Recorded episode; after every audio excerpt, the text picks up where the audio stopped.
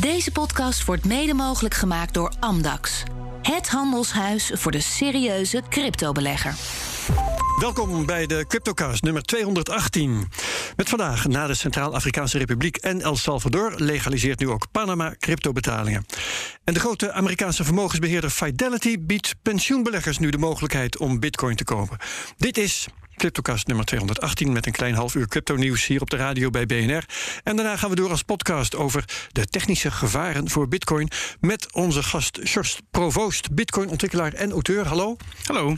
Schreef het boek Bitcoin: A Work in Progress en gisteren 2 mei is dat verschenen. Complimenten en gefeliciteerd. Dankjewel. Daar gaan we zo uitgebreid over praten. Mijn co-host is vandaag Krijn Soeterman, cryptojournalist en auteur van de Crypto-encyclopedie. Nu te bestellen met Bitcoin. Hey, Ja. ook nieuw verkrijgbaar. Klopt. Eh, dat gaat eh, via de uitgever zelf. En eh, ja, via Bitkassa loopt dat gewoon. Goed, nou, daar, eh, het is eh, vandaag geen onderwerp van gesprek, want we gaan het hebben over het boek van Sjors, maar eh, we houden dat eventjes in reserve. Ehm, we hebben een disclaimer, geen beleggingsadvies. Vorm je eigen mening, maak je eigen keuzes en geef ons niet de schuld. Crypto kan namelijk lucratief zijn, maar het is ook riskant. Panama, Krijn, is Ja. de derde in het rijtje. Legaliseert alle cryptovaluta, alle, Ja. als betaalmiddel. Eh, het is een nieuwe wet, maar eh, bedrijven moeten niet crypto accepteren. Dat is, is dan weer een subtiel verschil met eerdere voorbeelden die we voorbij hebben zien komen, namelijk El Salvador en Centraal-Afrikaanse Republiek. Ja, is het in de Centraal-Afrikaanse Republiek? Moet het daar? Nou, ik heb zelfs iets voorbij zien komen van dat je. eh, Oh ja, met die, met die gevangenisstraf. Ja, nee, dat, ja. Goed, dat, dat moeten we gewoon maar eens afwachten hoe dat gaat lopen. Ja, zeg dat wel. Laten we teruggaan. Ik denk dat Panama gewoon interessant is. Dat dat wil natuurlijk een soort van centrale hub worden in, in Centraal-Amerika of Latijns-Amerika van. ehm, ja, gewoon voor, voor financiële diensten. Ja. Ehm, het is wel zo, de president moet het nog wel ondertekenen. Hè? Dus, ehm, maar Ja, van het congres eh, waren er 38 stemmen voor en twee onthoudingen en geen stemmen tegen. Het betekent dus niet dat het. Het wordt geen legal tender, het is geen wettig betaalmiddel. Maar je, je kunt het dus wel gebruiken om betaling mee te doen. Ehm, er is een ander voordeeltje, zeg maar. Er, zal geen vermogensbelasting over geheven worden. Ja, komt in veel landen terug, hè? Ja, ja en, en, en de reden hier is dat, eh, eh, dat dat inkomen van buiten de grenzen van Panama niet als lokaal inkomen gezien wordt. Dus daar hoef je dan geen vermogensbelasting over te betalen. En internet is niet lokaal, dus dan Ja. is het dus, eh, ja, daar hoef je geen belasting over te betalen. Ja. Ehm, ja, wat, wat, wat staat er verder zoal in die wet? Heb jij die kunnen doornemen? Eh, nou, natuurlijk even naar gekeken. Ehm, het betekent dus eh, dat bedrijven dus eh cryptovaluta als betaling mogen accepteren. Ehm, Mogen. ja. Moeten, ja, dat hadden we het gehad. een, een ander ding is, zeg maar, ze willen dus heel duidelijk ehm, eh, dat je ook andere zaken kunt koppelen. Oftewel tokeniseren, waar misschien mensen hier dan eh, wat tegen zouden zijn soms. Maar dat je dus eh, via NFT-achtige constructies, eh, bijvoorbeeld waardemetalen en dat soort zaken kunt, kunt koppelen. Ja, en, en wat we, waar we hier in Nederland wel voorbeelden van hebben gezien... huizen Ja. opdelen in kleine partjes en die verkopen als tokens. Ja, het is natuurlijk zeg maar in, in, in sowieso in Midden-Amerika en ook eh, Zuid-Amerika is men natuurlijk al lang bezig met, eh, met veel cryptovaluta. Ik kan me nog herinneren, zeg maar, in de, eigenlijk rond de vorige eh, ICO-cycle, zeg maar, in 2018, dat was een bedrijf RSK, zeg maar, dat eigenlijk een sidechain draait op de Bitcoin-blockchain om daar Ethereum smart contracts te kunnen draaien. En die hadden ook, zeg maar, die hadden eigenlijk een bus waar mensen heel Zuid-Amerika doorgingen om eh, mensen uit te leggen hoe cryptovaluta werken. En ik denk toch wel dat, dat je ziet dat dat soort initiatieven toch wel eh, vruchten afwerpt. Dat mensen toch beter begrijpen wat het allemaal is.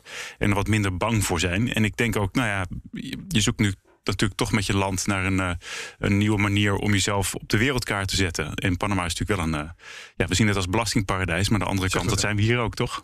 Ja, nee, zeker. In Nederland eh, is wat dat betreft... ehm, hoe zeg je dat ook weer? De pot verwijt de ketel of eh, zo'n Ja, tekst. ja. Ja. Hey, George Provoost, jij als bitcoin-ontwikkelaar knallen bij jou thuis nou de champagnekurken als er, als er weer een land om is? Nou ja, ik, het hangt er dus een beetje vanaf wat je nou met om bedoelt. Want in Nederland Ja. mag je ook al met bitcoin betalen. Ja. En daar hebben we geen nieuwe wet voor Dus nodig wij zijn eigenlijk al zover als Panama nu is. Nou ja, goed, het subtiele verschil wat ik hier hoor is die eh, vermogensbelasting. En Ja. in Nederland betaal je natuurlijk belasting over al je vermogen, ongeacht waar het uit bestaat. ja, hoewel Dus dat altijd een schijntje was en nu zelfs helemaal stilstaat. Ja, dus ehm, ja, goed. Het, het klinkt meer alsof eh, bitcoin wordt genoemd in een wet. Of crypto wordt genoemd in een wet. Maar of dat dan ook echt iets doet, dat weet ik niet. Ehm, dus Ja. nee. Ja, nee, dus ik- het- oké, je bent er vrij onverschillig onder, merk ik al. Ja. Ja. Nou, wat ik trouwens wel grappig vond, uh, dan, dan zie je, dan ga je natuurlijk een beetje wat rondzoeken en zo. En dan vind je op, op Reuters uh, een, een, een, verhaal van een, een of andere Panamese vermogensbeheerder. Die dan stelt van, uh, dat het niet zal bijdragen aan de transparantie van financiële producten in Panama. en toen dacht ik, maar dit is dan misschien het enige wat wel een beetje transparantie kan bieden. Omdat, nou, zolang het met blockchains te maken heeft, dan zou je het allemaal moeten kunnen volgen. Althans, dat is de belofte natuurlijk. Ja, uh, ja, en zeg maar, Panama zelf heeft ook geen eigen munt. Hè. Dat is wel belangrijk. Om, ja, ze hebben wel de, bal, de Balboa, maar die is één op één gekoppeld met de dollar. Oké, dat is dan vooralsnog uh, de grote uh, verbindende factor van al die landen. Want ja. geldt ook voor El Salvador, geldt ook voor de Centraal-Afrikaanse Republiek. Ja. Klopt, ik denk dat dat inderdaad het, het meest relevant is. Kijk, wij hebben gewoon de euro hier. En als je geen eigen munt hebt, dan heb je ook geen eigen centrale bank. Dus dan Ga ik eens even iets heel gek zeggen. Want in Centraal-Afrika, uh, daar hebben ze die uh, uh, Centraal-Afrikaanse franc of iets dergelijks. Die geldt voor acht landen. Ja, dat wordt door Frankrijk. Is de euro niet onze Centraal-Afrikaanse franc? Nou, wij zijn er zelf de baas over, hè? Ja, dat is waar. In ieder geval, de Europese landen hebben zelf nog iets te zeggen over de euro. Ja, die franc die wordt beheerd door de Franse centrale bank. Ja, ik ervan begrijp wel, maar ik moet ja. zeggen dat ik daar weinig van begrijp. Dus. Oké, okay, um, weet jij, Krijn, of je in, als, sorry, in Panama ook de belasting zult kunnen betalen in crypto? Ja, dat mag ook. Ja. Dus, de overheid accepteert dat dan wel, waardoor die dus ook bitcoin gaat aanhouden. Of uh, ja, dat zal waarschijnlijk bitcoin. Uh, we elkaar geen Dat is de vraag. Wat doen ze ermee? Ja, dat weet je ja. dus niet. Nee. Dat staat op zich los van elkaar. Je kan uh, als Zeker. overheid natuurlijk uh, betalingen accepteren in diverse valuta. En meteen omzetten. Ja. Ja, maar ook daar zie je in Nederland dat, voor zover ik weet, de Belastingdienst dat niet doet voor welke valuta dan ook. Hè. Maar dus, uh, om crypto te kunnen accepteren, zul je een crypto-rekening moeten hebben. Hè, een Bitcoin-adres of iets dergelijks. En daar staat altijd wat op. Dus in die zin hou je ja, het maar gewoon kan ook een commerciële provider zijn die dat voor ze regelt. Hè. Net zoals dat ze een Mastercard Okay. kunnen gebruiken om belasting te betalen. Ja, ja, ja. Um, nog eventjes, uh, in Panama zitten, uh, hoe zal ik dat zeggen, uitgeweken Nederlandse bedrijven. Namelijk, uh, nee, de Deribit zit daar, ja. dat is een uitgeweken Nederlands bedrijf. General Bytes uh, is niet een uitgeweken Nederlands bedrijf, want het zat oorspronkelijk in Tsjechië. Ja. Um, uh, en ik geloof dat ze daar nog zitten, maar dat ze dan een vestiging in Panama erbij hebben. Het is een beetje ingewikkeld. Ja, wat ik een beetje raar vond, is zeg maar dat, dat, er, dat ik ook her en der dan vond, zeg maar, voor deze wet mochten bedrijven die digitale assets uh, mee bezig waren, eigenlijk helemaal niet bestaan in Panama. En dat zou dan nu wel mogen. Dus toen dacht ik, hoe zit het ja. dan? Maar goed, dat heb ik nou ja, niet zo snel. Uh, wat ik daarover wilde zeggen is, uh, ons vriend van de show, Martijn Wismeijer, die werkt voor General Bytes, ja. de, het bedrijf in Bitcoin geldautomaten. Hij is daar marketingmanager en die heeft commentaar gegeven aan ons via Signal. Ah. Hij zegt deze wet is meer een soort seal of approval. Crypto's mogen geweigerd worden door winkeliers. Capital gains tax op bitcoin was er al niet. Belasting betalen met crypto kan nu wel. Nou, dat is eigenlijk een samenvatting van wat, wij nu hebben gezegd. En ook een bevestiging een beetje van wat jij zegt, George. Dat het um, niet heel ingrijpend is. In ieder geval uh, vanuit bitcoin gezien niet heel ingrijpend. Ik weet natuurlijk niet wat voor impact het heeft op Panama zelf. Ja. Ja, oké. Okay. Nou, als, als El Salvador een maatstaf is, dan zou het wel eens weinig kunnen zijn vooralsnog. Ja, mijn indruk was dat uh, de Centraal-Afrikaanse Republiek heeft de wet van El Salvador min of meer gecopy-paste. Uh, een David Gerard uh, heeft daar een blogpost over geschreven. Die heeft de hele wettekst gevonden. Okay. Terwijl Panama iets heel anders gedaan heeft. Oké, okay, goed. Um, de tijd voor dit onderwerp is wel zo'n beetje om. Ik wil heel graag met Bert Slachter gaan praten over de prijzen. Um, Bert Slachter, uh, welkom. Analist van de digitale nieuwsbrief Bitcoin Alpha. Hoi. Goeiedag. Ja, vanuit Portugal, hè? Je bent op vakantie. Ja, lekker. Mooie blauwe oceaan waar ik over uitkijk. en, dan, uh, en dan over de markten nadenken. Hartstikke goed. Heerlijk. Nou, dan wil ik, omdat we het toch hadden over Panama en dergelijke, uh, wil ik met jou graag bespreken dat het nieuws over de Centraal-Afrikaanse Republiek en Panama toch opmerkelijk weinig invloed heeft op de koers. Ja, dat klopt. Ja, dat is op dit moment absoluut niet uh, belangrijk genoeg in, de, nou ja, het grotere, in het grotere geheel. Nee, en dat zegt ook wel iets. Hè? Uh, we bespreken hier ook dat het bij Panama ja, meer een soort formaliteit. Is maar, nog maar de vraag of het veel gaat uh, schelen. Op wereldniveau um, is het niet zo belangrijk. Nee, klopt. Het zijn natuurlijk hele kleine landen met kleine economieën waar betrekkelijk weinig um, um, een nieuwe adoptie uit zal voortvloeien. Hè, want dat is dan vaak voor de bitcoin-koers op lange termijn. Als je het bekijkt als technologie, de hypothese hè, dat naarmate meer mensen het in gebruik nemen, dat de vraag toeneemt, het aanbod staat vast. Dus dat bij elkaar zou dan zorgen ja, dat de koers zou gaan stijgen. Maar ja, dit soort kleine landen hebben op die schaal gewoon te weinig invloed om, daar, uh, om, dat, om dat zichtbaar te maken. Zelfs op lange termijn. Ja, dat is duidelijk. Nou, we gaan kijken met een crypto-perspectief naar de financiële markten. wel aardig om even te vermelden. Maandag was er een flash crash op de Europese beurzen. Echt een mooie scherpe piek naar beneden. Van nou ja, heel wat procenten, tussen de 5 en de 10 procent geloof ik zoiets. Herstelde later weer. Ehm, ja, wat is de betekenis daarvan? Hoe kwam het eigenlijk? Weet jij dat? Nou ja, wat ik erover las, is dat er um, een, een fout is gemaakt bij Citigroup. Waar een handelaar een foute trade heeft gedaan. En um, uh, dat zou dan te maken hebben met data die, die fout aangeleverd werd of iets dergelijks. Hm. Dus dat is een heel interessant uh, fenomeen dat zoiets kan gebeuren. Ik denk dat er ongetwijfeld zal er nog een, een heel uitgebreide uh, retrospective komen van wat er nou precies gebeurd is, hoe dat nou kon en zo. Maar we hebben het wel eens bij Bitcoin over dat, de, dat Bitcoin geschikter is geworden voor institutionele partijen. He, de afgelopen drie, vier jaar hebben we het daar vaak over gehad. En dit is nou typisch zo'n vraagstuk wat heel belangrijk is: dat er betrouwbare data is. Want als je serieus uh, professioneel gaat beleggen of investeren of uh, um, handelen of, of, of uh, in die markt actief wil zijn als professional, dan, dan, dan, dan heb je allerlei zaken nodig, zoals een hele diepe liquide markt, zoals regulering, zoals derivaten om risico's af te dekken. Um, maar ook betrouwbare data. En dat is bij Bitcoin natuurlijk best interessant. Want wat is nou eigenlijk de prijs van Bitcoin? Wat is nu de koers? Dat is eigenlijk helemaal niet zo vanzelfsprekend, omdat er op zoveel plekken gehandeld wordt. Ja. Dus wat is nou eigenlijk de koers? En dus dat, dat, dat zijn dus dingen, dus, dus betrouwbare datafeeds, die ook in de afgelopen jaren er gekomen zijn. Dus er zijn, zoals Bloomberg, de data, een hele grote dataleverancier is in de traditionele financiële markt, zijn die er dus ook eh, in de, in, in, in de, in de cryptomarkt in, in de breedte, maar in Bitcoin, voor Bitcoin specifiek gekomen. Ja. En, en, en zo'n flash crash toont maar weer aan hoe belangrijk dat dan is. Begrijp ik. Uh, als het gaat om belangrijke factoren op de financiële markten van nu uh, in relatie tot crypto, er staat ons een rentebesluit te, wacht, te wachten. Hè? Dat is wel relevant. Ja, morgenavond, uh, woensdag 4 mei om 8 uur is de bekendmaking van uh, het nieuwe monetair beleid. Dus dat is de rente en misschien nog een uitspraak over de, de, de, de opkoopprogramma's. En om half negen is dan de, de, de toelichting. En dit betreft de Verenigde Staten. Ja, precies. Ja, ja. Zeker, dit, dit, dit betreft de Verenigde Staten. Ja, het gaat over de Federal Reserve, de Amerikaanse centrale bank.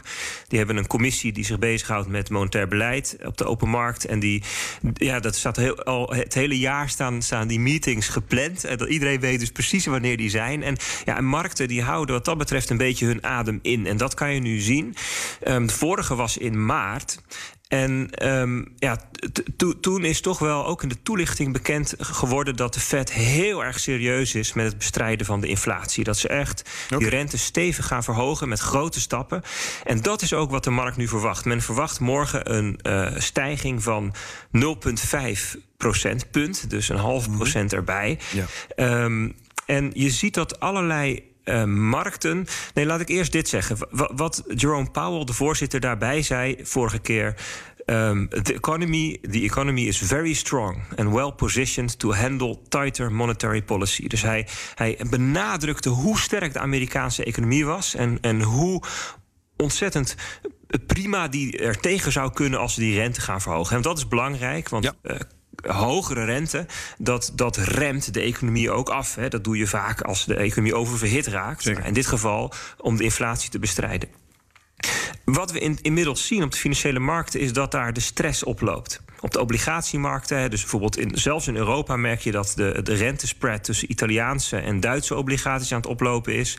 Ehm, de dollar op de valutamarkten is het heel onrustig. Vorige week geweest. De dollar staat op het hoogste punt sinds 2002. Ja. En daartegenover staat dus dat de yen, de yuan en de euro gedaald zijn in waarde. Dat is overigens voor bitcoiners nog wel even interessant. Ja, dat heb je vorige week geloof ik ook gezegd. Dat, uh, dat we dus meer euro's krijgen voor onze bitcoin door de hoge dollarkoers.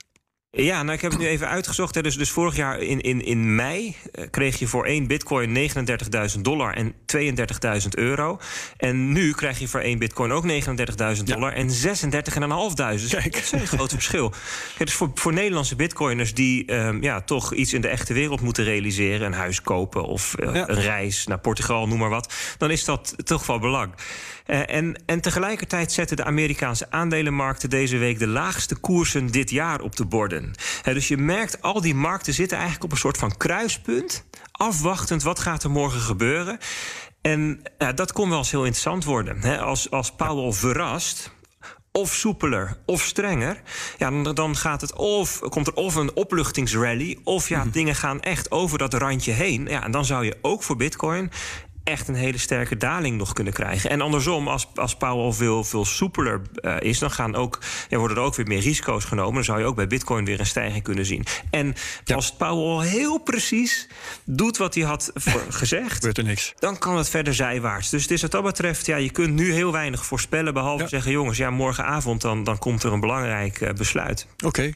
nou dat gaan we dan afwachten. En dan gaan we daar uh, volgende week over nakaarten. Dankjewel, Bert Slachter.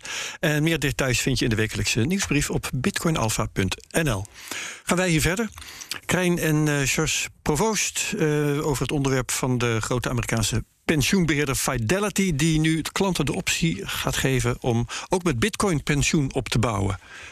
Krijn. Ja. Hoe werkt dat daar ook weer in Amerika? Kun, kun je daar als pensioenbelegger, uh, als, als burger dus, je eigen pakket beleggingen samenstellen of zo? Um, nou, je hebt, uh, dat heet daar 401k. Dat is, ja. uh, dat, dat, is het, het, het, het, zeg maar het gedeelte van een, van een heel grote ja, uh, pensioenwet. Nee, sorry, van een heel grote wet. Um, dat lijkt een beetje op pensioensparen zoals in Nederland Mhm. -huh. eigenlijk. en een werkgever mag maximaal vijf... Sorry? Wat zei je, Jos? Lijfrentesysteem. Lijfrentesysteem. Waarbij je het ook kan inleggen. Ja. ja. Ja, dus daar hoef je geen belasting over te betalen. Uh, wat je, zeg maar. Nee, maar precies. Maar mijn vraag is: uh, als Fidelity die gelegenheid geeft, um, zijn het dan ook inderdaad de burgers die zelf kunnen gaan besluiten wat de verdeelsleutel is? Ja, ze mogen tot maximaal, 20, in uh, tot maximaal 20 procent zouden ze mogen beleggen in Bitcoin. Oké. Okay. Of, dus, dat, dus, dus blijkbaar is daar, daar kun je er zelf voor, voor besluiten. Ja. Uh, dat is uh, pikant, want uh, er waren wel, um, hoe zal ik dat zeggen, bedenkingen hierover. Toevallig bijvoorbeeld fameuze Bitcoin-criticus in Nederland, Joost van Kuppenveld van het FD, die twitterde: What could possibly go wrong? Ik moet zeggen, als je 20% Bitcoin in je, in je pensioenvoorziening kan stoppen, dat lijkt me riskant. Ja, dat, dat, dat hangt natuurlijk vanaf hoe je ernaar kijkt. Kijk, ik, dat, je, je weet natuurlijk niet wat. wat Ligt ook een beetje aan de termijn. Nee, zeker. Kijk, uh, ik, volgens mij is het, is het belangrijk om te zeg maar. Um, uh, het ministerie van uh, de Department of Labor, het ministerie van Arbeid, die was niet zo blij met die, met die plannen nee. van Fidelity. Um, want die zien, die waarschuwen op dit moment vooral omdat er aanzienlijk, aanzienlijke risico's zouden kunnen zijn in verband met grote waardeschommelingen op dit moment. Um, uh, maar aan de andere kant uh, zeggen ze ook weer van. Uh, ze zijn niet volledig tegen, maar ze zien liever meer een volwassen markt. Voordat pensioenfondsen mensen ja. de mogelijkheid geven om in bitcoin te beleggen. Dus ze, zijn, ze staan er niet vreselijk negatief tegenover, maar ze zien nog wel een hoop zeg maar, beren op de weg. Ja, ja. Maar gaat dit nou 20% per jaar of 20% van je portfolio? Want als je elk jaar 20% inlegt, nou ja, dan, dan over een periode van 40 jaar kan je altijd nog wel uh, je risico anders gaan verdelen. Zeker. Dus dat lijkt me niet zo heel gevaarlijk. Af van de termijn inderdaad. Tot, tot maximaal doet, ja. 20% van de waarde van hun bezittingen bij de pensioenspaarder mogen okay, in dus bitcoin sparen. 20% van Zou jij het doen? Je, je bent bitcoin-ontwikkelaar. Ik neem aan dat je vertrouwen hebt in uh, bitcoin. Zou jij dat aandurven om je pensioen daar nou ja, op te hangen? Ik ben ZZP'er, dus dan, uh, ja. dan kan je inderdaad... Bij, dan doe je, nou, je hebt allerlei uh, pensioenfondsen waarbij je dat zelf kan... kan je zelf kiezen van hoeveel, ja. hoeveel wil je in obligaties, hoeveel wil je in aandelen. En daar heb je wel iets over te zeggen, maar je kan niet specifieke dingen uitkiezen. Uh, alleen als je echt een PV op gaat zetten, kan je dat wel doen. Um, ja, weet ik niet. Kijk, het is, het is nu, je betaalt dan nu iets minder inkomstenbelasting. Uh, hè, en die betaal je dan nee, maar het gaat mij om het, om het risico van je pensioen afhankelijk maken, deels afhankelijk maken van bitcoin. Dat zou van de rest van mijn portfolio afhangen. Kijk, als ik ja. sowieso al toevallig wat bitcoin zou hebben, zou ik niet ook bitcoin in mijn pensioenpot gaan stoppen. Dat lijkt me niet slim. Dus dat, maar als je zelf geen bitcoin hebt en je hebt het liever in je pensioenpot zitten, nou ja, dan kan dat toch? Ja, ja jij denkt daar. Je moet gewoon bedenken hoeveel, hoeveel bitcoin je wil hebben in je volledige portfolio. En dan vervolgens, waar in je portfolio wil je dat doen? En dat is dan meer een fiscale optimalisatieverhaal. Of zo. ja, nee, dat, als je er geen vermogensbelasting over wil betalen, dan is het, moet je dat uh, misschien in zo'n pot ja, kunnen maar, zetten. Maar een andere factor waar je misschien over wil nadenken is: uh, oké, okay, not your keys, not your coins. Oh, wacht. Uh, ja. Die coins staan dus bij Fidelity. En die zijn vast heel competent. Maar als jij op je, weet ik veel, in Amerika op je twaalfde begint met werken en op je tachtigste met pensioen kan, dan is het dus 70 jaar waarin die spaarpot toevallig per ongeluk oeps kwijt kan raken, dat- omdat dat- iemand hem hackt. Dat Joost van Kuppenveld gelijk kan krijgen. Ja, dat is voor mij het grootste risico. ja, Eh, oké. hoe competent ze ook zijn, maar 70 jaar of 60 jaar of weet ik veel, is gewoon echt een hele lange tijd. Ja, en geldt dan is ook voor als is je dat verzekerd of niet? Geldt ook als je zelf je keys beheert. Hè? Dan heb je ook 70 jaar de kans om een fout te maken. Ja, maar dat is dus individueel risico. Dus dat, is Ja. voor, hè, dat zal een individu overkomen. Maar bij zoiets groots is het, dan overkomt het alle gepensioneerden. Dus dan heb je iedereen die bitcoin in zijn pensioen heeft... is het dan in één klap kwijt als er maar één aanbieder zou zijn. Ja, Dus dat, en dat wordt dan ook een, eh, een aantrekkelijk target natuurlijk. interessant. Ja. Dus dan wil ik, zou ik in ieder geval goed kijken van hoe zit dat met de verzekering? Is dat echt tegen alle omstandigheden verzekerd? Of, of hè, BitPay Ja. heeft bijvoorbeeld ooit een keer 2 miljoen kwijtgeraakt... en dat bleek toch niet verzekerd te zijn.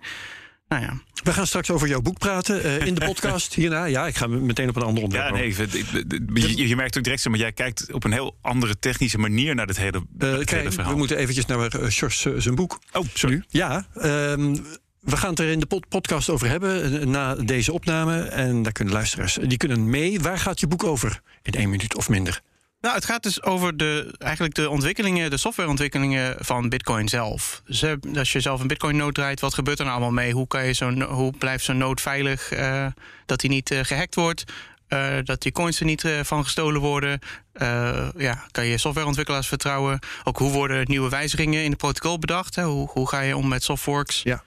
En dat wie moet dat boek lezen? Ik denk iedereen die al een stevig, stevig technisch interesse in Bitcoin heeft, of een heel sterk eh, algemene technisch onderlegd is en nog niks van Bitcoin weet.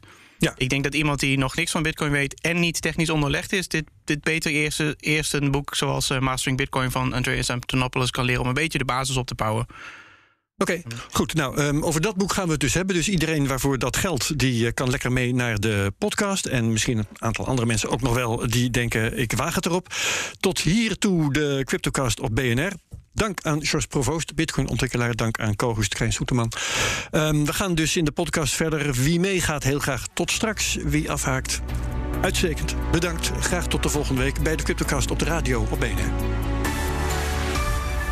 Deze podcast wordt mede mogelijk gemaakt door Amdax. Het handelshuis voor de serieuze cryptobelegger.